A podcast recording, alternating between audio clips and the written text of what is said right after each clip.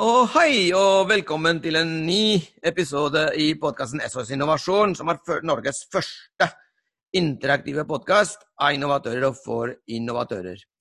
Og uh, alltid med et panel med prominente figurer innen innovasjon, digitalisering, teknologiledelse og entreprenørskap. Og uh, denne gangen har vi i panelet, og for siste gang i dette panelet, fordi dette er eh, fjerde episode med dette panelet, og vi hver panel dekker fire episoder. Uh, vi har i panelet Mariell Hai, som er Business Development Manager IOT og Smart Buildings i Telenor. Per Øyvind Skard, Managing Partner hos konsulentfirma Åtte. Og Ellen Altenborg, som er COO i Saga Robotics. Mitt navn er Salvador Baye. Jeg er daglig leder i Intellis, som er et rådgivningsfirma innen innovasjon og teknologiledelse, og jeg er også partner for mentoring og investor relations i Agrator, inkubatoren for en renere, bedre verden. Um, dere kan uh, selvfølgelig uh, subscribe på podkasten SOS Innovasjon via Apple Podcast eller Spotify. Og dere kan selvfølgelig også subscribe på bloggen min, salvadorobaye.com. og Da blir dere varslet når en ny podkastepisode kommer. Og dere kan lese mine blogginnlegg om innovasjon og teknologiledelse helt gratis. Og jeg vil minne lyttere om at uh, de kan sende sine spørsmål om innovasjon, teknologi, entreprenørskap til salvadorbay.com, eller uh, de, dere kan poste deres spørsmål på Facebook-gruppen SOS Innovasjon. Og uh, de spørsmålene som vi kommer til å behandle i dag, er hva kan man gjøre for å øke generell forretningsforståelse hos startups? Og uh, hvordan å unngå flaskehalser mellom uh, hverdagen, det som skjer hver dag, og alle de brannene man må slukke, slukke og, og, planlegging for vekst i de første fasene i en startup. er det outsourcing man må tenke på? Ansettelse, internships, en blanding? Det får vi høre. Så um, da kan vi faktisk starte med første spørsmål. Uh, hva kan man gjøre for å øke generell forretningsforståelse hos startups? Um, du, Per Øyvind, du har vært startup selv. Uh, du har vært entreprenør selv. Um, hva, hva syns du? Hvordan kan man øke generell forståelse hos startups? Uh, eller syns du at den er bra nok? Jeg tror det varierer veldig fra startup til startup. og Det er jo noe av det som er utfordringen også. at det er, jo, det, er, jo, ikke lett å øke en generell forretningsforståelse hos startups. Men jeg tror det mange kan uh, tenke mer på da, i en sånn initiell fase når man sitter med en, med en idé, det er å, å, å, tenke litt på marked og betalingsvilligheten i markedet. Altså Finnes det kunder for det produktet som, eller den ideen, konseptet som man jobber med å utvikle. Og også teste om de kundene er villige til å betale for det. Eh, jeg har vært borti en del eh, oppstartsbedrifter som, som, som er, de har satt seg som mål at de skal redde verden. og De, de, de har en kjempe-great eh, plan om om et eller annet rart. Og så har de, liksom, de har glemt å tenke hvem er det som skal betale for, for, for, produktet etterpå. Og de har også glemt å gjøre de brukertestene, som gått ut og verifisert at det er faktisk det er interesse for det produktet de jobber med, og det er betalingsvillighet. Og er det ikke betalingsvillighet og interesse, så, ja, så, så, er liksom, så, er veien til kommersialiseringen blir så lang. da at uh, risikoen for å feile, den, den uh, blir ekstremt uh, høy. Så jeg tror mye av, du, mye av, det man må tenke på, det er den der innledende avsjekkene.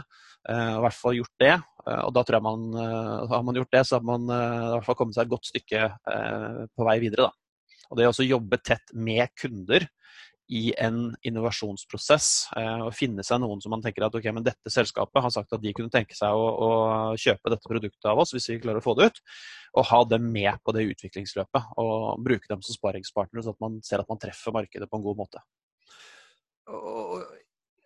Ok, nå, nå skal jeg være veldig kynisk. Um, og det er fordi jeg føler at vi har et, en, en, et um, det har skjedd veldig mye i det siste der um, mange, mange selskaper har blitt fremhevet som um, heroes uh, i media.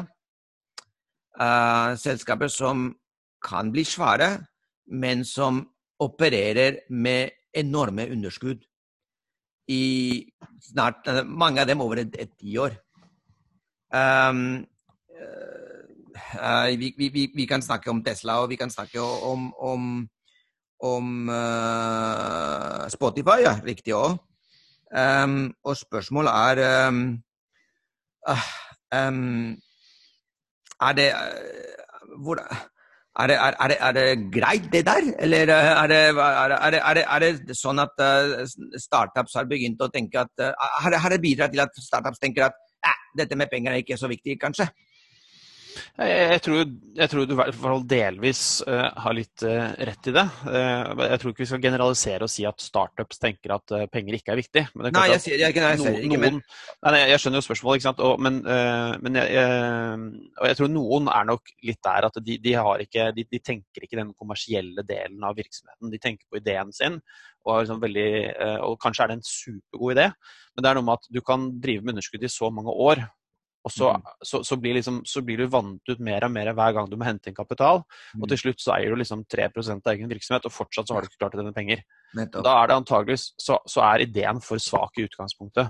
Um, nå skal ikke jeg kritisere Tesla eller Spotify, for de, de, leverer i hvert fall et Jeg er ja, ja, nei, selv, jeg, jeg, ikke, jeg bare snakker nei, om en, en virkeligheten som de opererer i. Ja. Nå håper jeg at de kommer til å tjene godt med penger, fordi jeg syns de leverer gode produkter. Um, så, så de, de, har i hvert fall gjort avsjekken på at det er et marked for, for elbiler eller strømming av musikk, og det er betalingsvillighet for det. Og så kan man diskutere hvordan er avtalen de har med, med musikkindustrien i bakkant, eller hvordan har liksom Tesla om de kanskje har gjort noe feil på prisingen sin, eller, eller på å gi bort gratis lading. og Det er mye sånt man kan diskutere. Men de har i hvert fall, de selger jo bøtter og spann av biler, ja. um, og de funker. Mm. Det, er ikke, det er mer bekymret for, for de små virksomhetene som, som, som, starter opp. og Ofte så ser vi at det er unge mennesker eh, som kanskje kommer rett ut fra skolen, og så har de en kjempeidé, ikke sant? Og så, så, eh, og så glemmer de hele den business-siden av det å drive en oppstartsvirksomhet. At du skal mm. faktisk drive en virksomhet. Mm. Eh, jeg husker den dotcom-boblen da vi holdt på med det for, eh, for, en del år siden. Der var vi jo også sånn at ja, men det var, det var greit å tape penger. Mm. Men det er ikke greit å tape penger eh, in the long run. Og det er ikke noen ny økonomi på internett. Det har det aldri vært. Det dreier seg fortsatt om topplinje og bunnlinje. Eh, og, jo, men det er, det, er, det, er, det, er, det er, jo sånn det er. ikke sant? Og jeg, jeg, satt jo midt oppi den, eh, den der dotcom-bobla sjøl. Og, alle trodde liksom at ja, men det er internett, så det er andre regler som gjelder. Nei, det er ikke det. Det har aldri vært det. Det er ikke det, vet du. det er ikke det. Det dreier seg om inntekter og kostnader, eh, og det er sånn det alltid har vært. Ja, det er veldig bra. Um, Ellen, hva, du, er, du, jobber i en, i en startup. Hva er, um, hva er, din take rundt uh, dette spørsmålet om man kanskje bør uh, hva, hva, man kan gjøre for å øke generell foreningsforståelse og startup, så er det et problem i det hele tatt? Altså, nå har jeg fulgt startup-scenen i, i, Oslo i over 20 år. Og jeg må si at eh, den forretningsforståelsen har jo økt voldsomt. på det høyde, så det har jo vært en fantastisk utvikling. Mm. Siden jeg begynte i konsernstrategi i Telenor og hadde som policy for å holde meg oppdatert at jeg skulle kjøpe alle nye duppeditter og registrere meg på alle nye tjenester. De gikk faktisk an nå. Og det er jo komplett umulig nå. Det er jo en vekst som er helt enorm. Um, jeg ser at den eh, jobben som har vært gjort for å styrke startup-miljøene, blant sånn inkubator og det er mange som har jobba rundt her, den har hatt en veldig bra effekt, tror jeg. På å presse eh, startup-selskapene ut i å teste i markedet. Du må være i markedet. Eh, og da kommer liksom litt av forretningsforståelsen ut av det at du ser at ja, men han jeg snakka med når han var ikke interessert, og jeg skjønner hvorfor han ikke var interessert. Mm. Da, da, tar du den med deg tilbake inn i startupet ditt og skjønner at vi må gjøre noe med den greia her. du får veldig fort en magefølelse ved å være i markedet. Er du ikke i markedet, så får du ikke den. Ja, jeg, jeg, jeg, til de som sitter og, liksom og lurer, jeg, jeg pleier å ta den testen. Så kan du snappe ut et ark og ta en penn og så skrive ned noen ord hvilke inntektsstrømmer du ser for deg, og hvilke kostnadsstrømmer du ser for deg. Hvis det er vanskelig, så har du jobb å gjøre. Du bør helst faktisk kunne sette tall på dem. Hvis ikke du bare gjør det som en test på deg sjøl. Får du ikke det til, så gå tilbake og grav i den, for da, da svikter det et eller annet i forretningsutøvelsen. Jeg, jeg, til å kommentere på det med å drive med underskudd over tid. Og Hvis du driver en virksomhet med nettverkseffekter, mm. altså verdien av tjenesten avhenger av hvem og hvor mange andre som bruker den. Mm. Det var rimelig kjedelig på Facebook i starten, det var ingen venner der. Ja. Eh, den problemstillingen. Så er det naturlig at du skal drive med underskudd en stund. Du skal vite hva du driver med for noe. For ja. du gjør alle investeringene både i infrastrukturen og bygger markedet i starten. Og da har du et voldsomt inntjeningspotensial på sikt. Du må ha en path. Det som blander litt her, da. Ja, men du, du må ha en path, til, på, path mot profitability. Så, så, ja, og du må vite hvordan du skal overkomme det problemet at det er nettverkseffekter. Det er liten verdi av tjenesten i starten. Ja. Det er få som bruker betalingstjenesten. Det er ikke noen som skal sende noe med transporttjenesten i starten, fordi det er ingen å sende til. Mm. Du må vite hvordan du skal komme over den. Hvis Ja, riktig, og- nettverkseffekter, så bør du ha et annet forhold til hvor lenge du skal gå med underskudd. Ja, og, og, det, og det du, du sier om å skrive ned uh, inntekter og altså eh, inntektskilder og, og, og kostnader, det er, det er Jeg kan ikke jeg kan ikke altså, undertegne hvor, hvor mye jeg tror på det, fordi um, Undertegne undertegner nok med det, uh, hvor, hvor mye jeg tror på det. Fordi um, jeg har vært på mange sånne business model canvas-øvelser, jeg. Det er utrolig uh, oppsiktsvekkende at uh, nesten hver gang så bruker man all tiden på å drive med det morsomme. Verdiforslaget og kunder og partnere og, og ressurser, ikke sant. Og, og, man, um, og, og channels og sånn. Men de, de to siste blokkene i bunnen, med inntektskilder, ikke sant, og med kostnader, det er ingen som, uh, som, uh, som jobber med dem. Og de er like viktige i en sånn øvelse. Det er helt kritiske. Ikke sant? Så det er uh, en advice når, når, når, eh, når lytteren uh, jobber med å fylle ut en uh, business model canvas, fyll alle boksene, og ikke bare de som er morsomme, rett og slett. Um, Mariell, um, ja. samme spørsmål. Uh, hva kan man gjøre for å øke forretningsforståelse hos startups? Og, er det et problem, eller er det, blir det bedre og bedre? Uh, takket være bl.a alle det, det, dette nettverket med uh, inkubatoren og, og, og ja, inkubatoren som vi har i landet. Mitt inntrykk er også at ting går i riktig retning. Jeg har vært så heldig at jeg i perioder har fått sittet mye i Mesh-bygget. Eh, Jeg har vært så heldig at jeg har fått jobba med flere av de startupsene som er lokalisert der. og Mange av de er også partner slash kunde av konnektivitet i Telenor.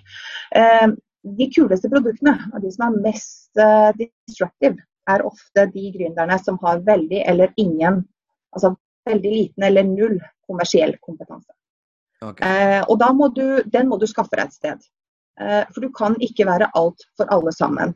Eh, så enten eh, så må du kontakte typ Innovasjon Norge, som har et fantastisk mentorprogram. Ti timer, to timer ganger fem sesjoner, der de parer deg opp med en mentor som kommer fra tilsvarende bransje, tilsvarende business case som deg selv, og, og har lykkes på langt vei. Eller så må du på en måte få hjelp til å få satt opp en skikkelig forretningsplan, så at du får oversikt. Som du sier, ikke bare fokusere på den morsomme biten, men du er nødt til å ha en go to market-strategi. Du er nødt til å vite painsene i markedet. Hvem er det vi skal targete? Eh, har vi noen prototyper? Teste, evaluere. Og kanskje som vi også gjorde når vi genererte et helt nytt konsept i Telenor Smart Retail. Vi fikk oss en eh, fadder, en ambassadør. Det var Ramisel, direktør i Princess-gruppen, eh, Kai Gulbrandsen. Eh, og, og det var en eh, unik gjensidig læring i forhold til hvordan vi eh, kunne være mest relevante for han. Eh, og, og hvordan vi kunne få et agilt og godt samarbeid på tvers. Og jeg tror mange av startupsene har gått av å strekke ut en hånd til noen som er en god product fit eller en god partner fit. Eh, og si at la oss eh, utforske noen markeder sammen. La oss ha en, en kort sprint på, på Se og Lær. Og Det er noe de fleste bedrifter gjerne stiller seg positive til. det, og Jo mindre du er, jo mer skal du faktisk targete de store. For de store vil også lære av de små. Ja, det, det vet jeg. Og de Ikke bare motsatt. Ja, det, det. Veldig bra. Kjempefint. Tusen takk eh, for det. Vi skal gå over til eh, spørsmål nummer to, men først eh, minner jeg eh, lytterne om at eh, hvis du vil diskutere disse temaene, eller andre temaer som du, opplever som en konkret problemstilling rundt innovasjon, teknologi, entreprenørskap, det er bare å ta kontakt med meg på salvadorbaye.com, og lenken finner du i podkastbeskrivelsen. La oss gå ja, over til spørsmål nummer to i denne episoden, og dessverre siste spørsmål eh, for dette panelet her. um, og det er spørsmålet er hvordan å unngå flaskehalser mellom hverdagen og planlegging for vekst i de første fasene i en startup. Det outsourcing, ansettelse, internships?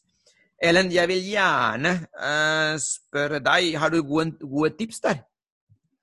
Jeg skulle ønske jeg hadde ordentlig godt svar på det der. Det der har vært å gjøre en prioritering mellom hva du skal gjøre av brannslukking, liksom av ting som må håndteres på kort sikt, og rigge deg for vekst på lang sikt, det, det er genuint vanskelig. Uh, jeg skulle gjerne hatt en fasit, den tror jeg ikke jeg får. Noen erfaringer vi har gjort, da, er at uh, å ha et visst forhold til å faktisk gjøre noe valg. For det er ikke alt du trenger å gjøre kjempebra. Det er mye som kan gå litt fort over. Okay. Um, men at det krever erfaring å se de. Hva er det vi velger? Uh, det krever definitivt erfaring å se, de, å se de. Og du kan ikke løse det bare med å jobbe mer og mer og mer.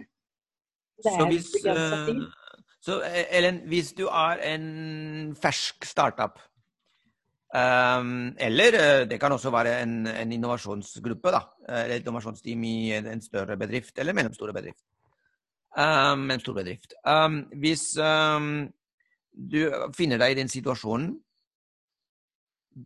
Hvis du mener at uh, erfaring er viktig, da er vi tilbake til å finne seg gode mentorer, kanskje? Ja. Er det noe av det viktigste du kan gjøre for å prioritere riktig hvor, hvor du skal ha ressursene, og hva du skal gjøre først, og hva du skal gjøre etterpå? Ja, en mentor og styre kan hjelpe. Ja. Mm. Og ha litt tyngde i styret i starten. Uh, og så synes Jeg jeg har, jeg har veldig stor glede av å gjøre det sjøl, for jeg har jobba i ganske stor bredde ja. tidligere i business. Og det er veldig mye av den erfaringen jeg har fra alt mulig rart som har vært veldig nyttig med å kunne sortere. Og ta vekk ting som kan vente. Um, men du må ta deg tid til å, å tenke fremover også. Og ja. gå de lange turene i skogen for å få tid å tenke.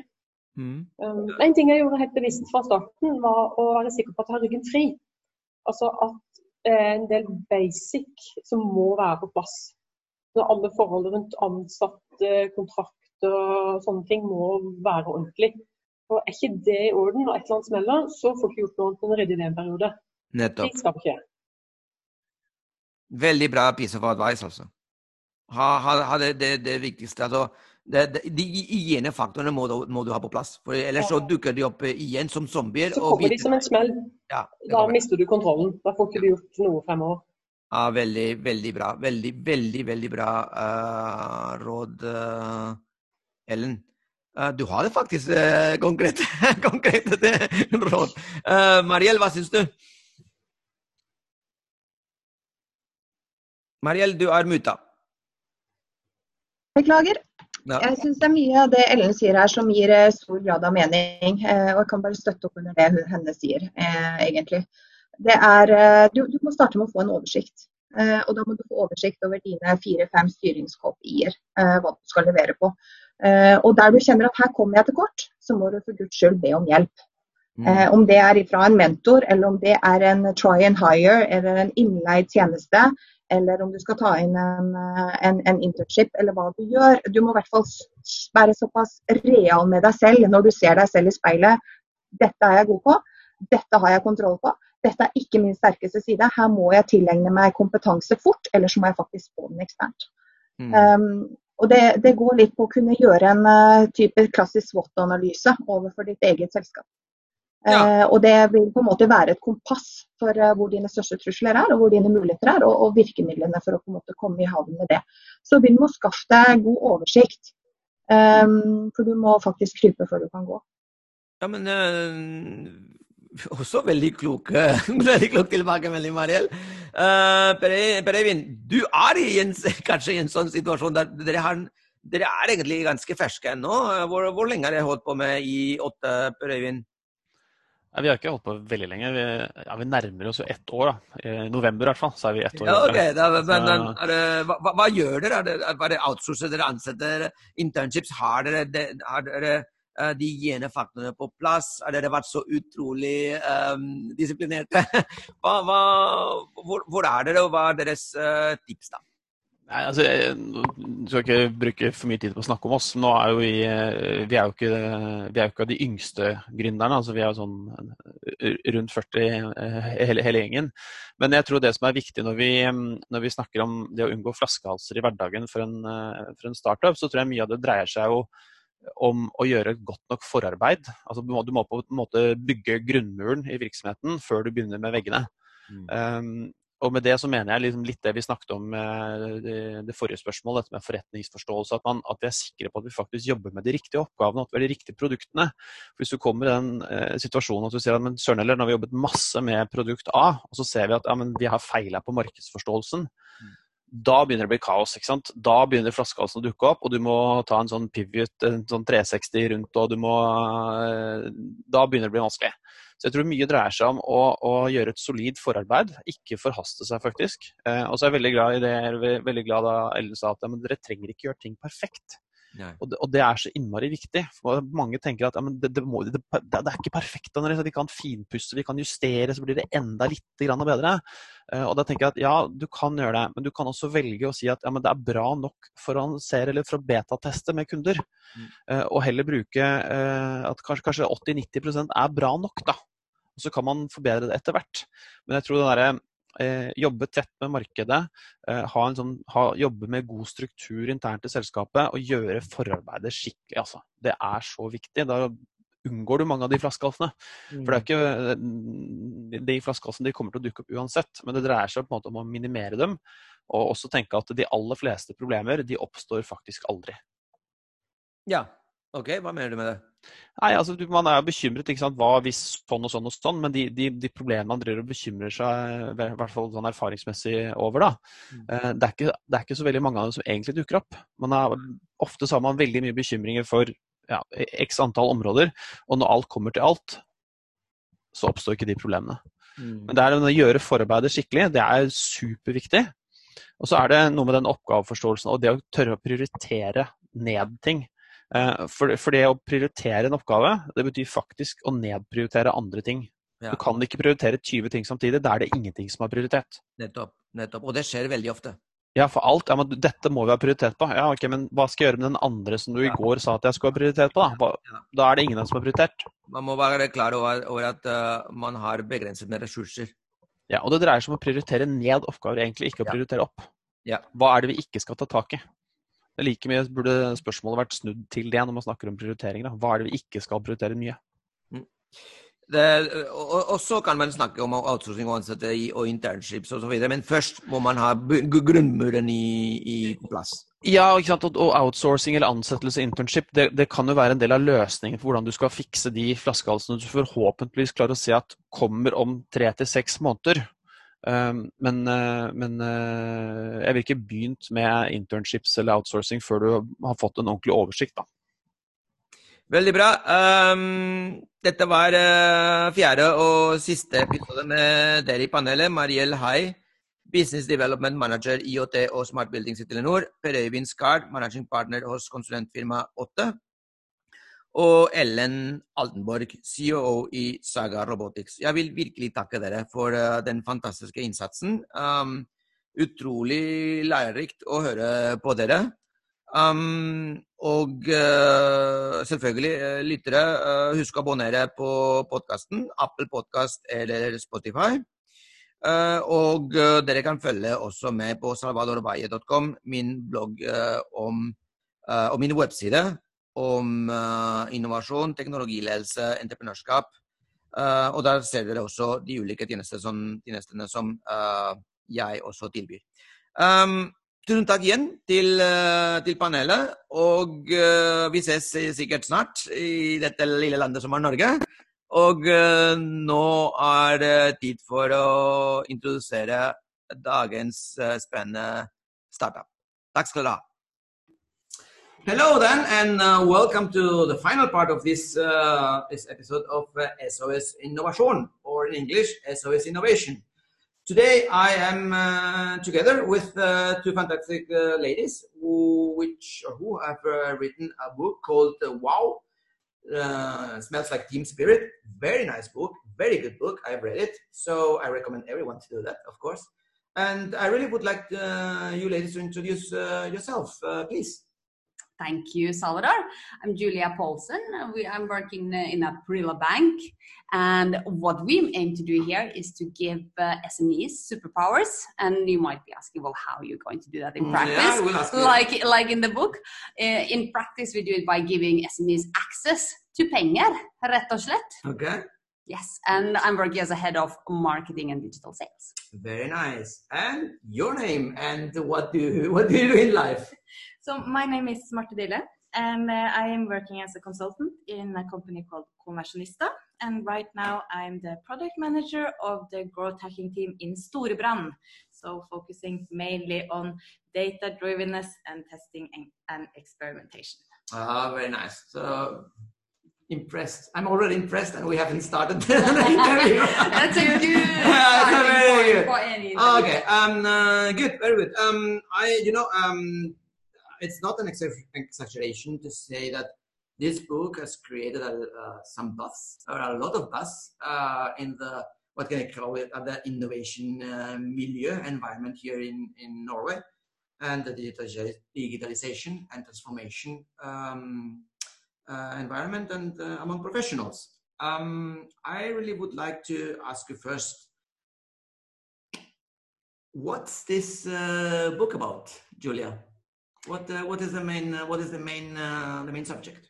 Well, as you said, the main subject is actually how do we tackle all those buzzwords that are out there? Like you said yourself, digital transformation, agile, everyone kind I of. check the box of the box you of check all the boxes that we are writing about because uh, especially now in this very weird uh, covid times we are in uh, people have to force themselves to go into to go into digital transformation want it or not and uh, in the book you actually get the practical advice not only why but how you're going to do it so I think uh, if uh, looking into the content of our book, it's all very practical. We have been there. This is not uh, this is not something we have seen from the outside. Uh, We have really lived the story and suffered it. and suffered, you know, hard sweat and pain. Yeah. We have gone through all the steps ourselves. We have learned in that journey a lot. And we have seen that this actually gives results. Yeah. So that's why we wanted to share it. So if you want to know and you have a question how to do digital transformation, you can read our book and actually have an answer and start off your own journey. Oh, Very, very nice. And I I have to, I have to confirm that um, I like the book very much because uh, it's, it's right to the point. It gives you real advice, practical advice. Um, I love it. I, I read it on a, on a plane uh, to my, to my in, in the summer, and it was, uh, it was really, really refreshing uh, read. read. Um, Marta, um, why did you write this book? Because there are a lot of books about uh, digitalization and about the lean and about all these buzzwords uh, that you can that, that you have we have mentioned. Wh- wh- Why? Why? Why did you do it? I think um, the main uh, motivation for me and Julia was to crack the best and the fuss. Uh, so we started working together in uh, the first digital sales team in DMB, and we knew that we had to achieve results really fast. Uh, so what we did was to test out lots of new ways to work, as Julia has almost mentioned. And um, then we started to uh, have presentations about these new ways of work. And the word went out and spread, and uh, we started doing presentations both internally and externally. And the feedback we got was that we managed to make sense of agile and digital transformation and people wanted to go back and test one or two things maybe not the whole big shebang but just start with something uh, and that was the main motivation i think yeah Okay, very. I mean, very noble. yeah really noble Actually. we wanted to share our experiences Actually, um, so um, if you, uh, I'm, I'm just trying to help here. So, uh, but because I know it's a good book, um, so I just want to give you the opportunity of um, uh, picking one specific uh, matter about the book that would, you would like to underline, or um, yeah, that you would like to um, uh, uh, what was the name of it? Um, yes, underline, um, and uh, just try, just to give a little bit of an idea of what the book can bring to the reader. Yes, well, I think if you have to select one thing, I think it's uh, the book is very practical, and also from uh, the perspective of uh, for the leaders out there. And I know it's very difficult sometimes uh, to lead through change management, uh, through transformation. is not an easy task. It's not Uh, it's not an easy task, and we have really tried to in the book explain to our own experiences. So I'm being very honest in the book and telling how I have experienced uh, to do uh, change as a leader, how you should lead different profiles in the team, because there is actually I on the team, even though you don't want to believe that. Uh, there is. I uh, want to believe that. yes there is actually and uh, in the change you know uh, one thing that is very very important eh, people are focusing too often about the tools what you should use what kind of technology you need but that is secondary the first thing is people and what you need to make sure that you have leaders who are ready for this new age right where you actually give up a bit of your powers you actually give people uh, and your team the power to succeed and Mm. shine and it's not very easy task to do so in the book we have given very practical tips not only about transformation but also how leader can do this how Mm. can they motivate and change themselves as well in the process Mm. And at the same time how the change maker the employees because it's not one responsibility it's not only the leader who can drive through this alone no it's like everything you need the whole team on board so Mm. it also gives tips on the people who are working in the teams that are experiencing transformation what Yeah. can i do Yeah. so it really goes down deep in the dirty details right Yeah, that's true. and Uh, that i think is one of the differentiation Mm. factors I mean, you, you, you, you don't try, you, you try to make it funny, but you don't try to sugarcoat the thing. No, Uh. we use some humor. You know, the Finnish Norwegian humor is a powerful thing. it's a very powerful thing. Yeah. Okay. Good. Marta, if you would like, if you want to select something that is special about this book, something that you would like to, to yourself would like to recommend the, the reader to read first or to pay most of attention to, what would you recommend? That's a really difficult question since Because the whole book is so good. yes, exactly. no, but I think that um, uh, one of the main uh, things with this book is that it's inside out approach. Um, lots of the books out there are written by consultants or authors. This is like the real story from inside an incumbent bank or DNB. Um, so uh, that's one thing, and I think maybe oh, what Julia should be the first thing people should read. I think okay, if I can uh, rephrase your question a bit, Yeah, of course. you are And, the um, you are the um, um the guest. the one in lead. Yeah. now you are. No, yeah, that you said it. You Yeah. are. No, but uh, uh, if I could have uh, or um, just um, tell about the one main learning point Yeah, from the that, book. that's very good. I think uh, that's uh, the retrospects uh, that you should start in any team, how digital or not digital you are. You should start with retrospects, where you go through uh, what uh, is working, what is not working, and what should we be better at, because that's the main key thing for uh, changing. Uh, that you have an open discussion and a safe environment for giving feedback like that. I, I think it's amazing because you know uh, we all have read about oh the digital transformation. That's about people, not Mhm. about uh, technology. What I really like about your book, I, if I can also come with my point of view, yes, Yes. please. is that um, it's very focused on people Mm. and about how people react. Mm. And it's just like telling it's just like telling a leader, a digital leader uh, in forehand. Can you say that in English? I guess. Um, what is going to happen with the people that you're going to lead Yeah. during the transformation? Mm. Yeah. And I think that that's it. That's mm, a very very powerful tool. So you know, okay, if I do that, or I do this, people will react react like that, Mm.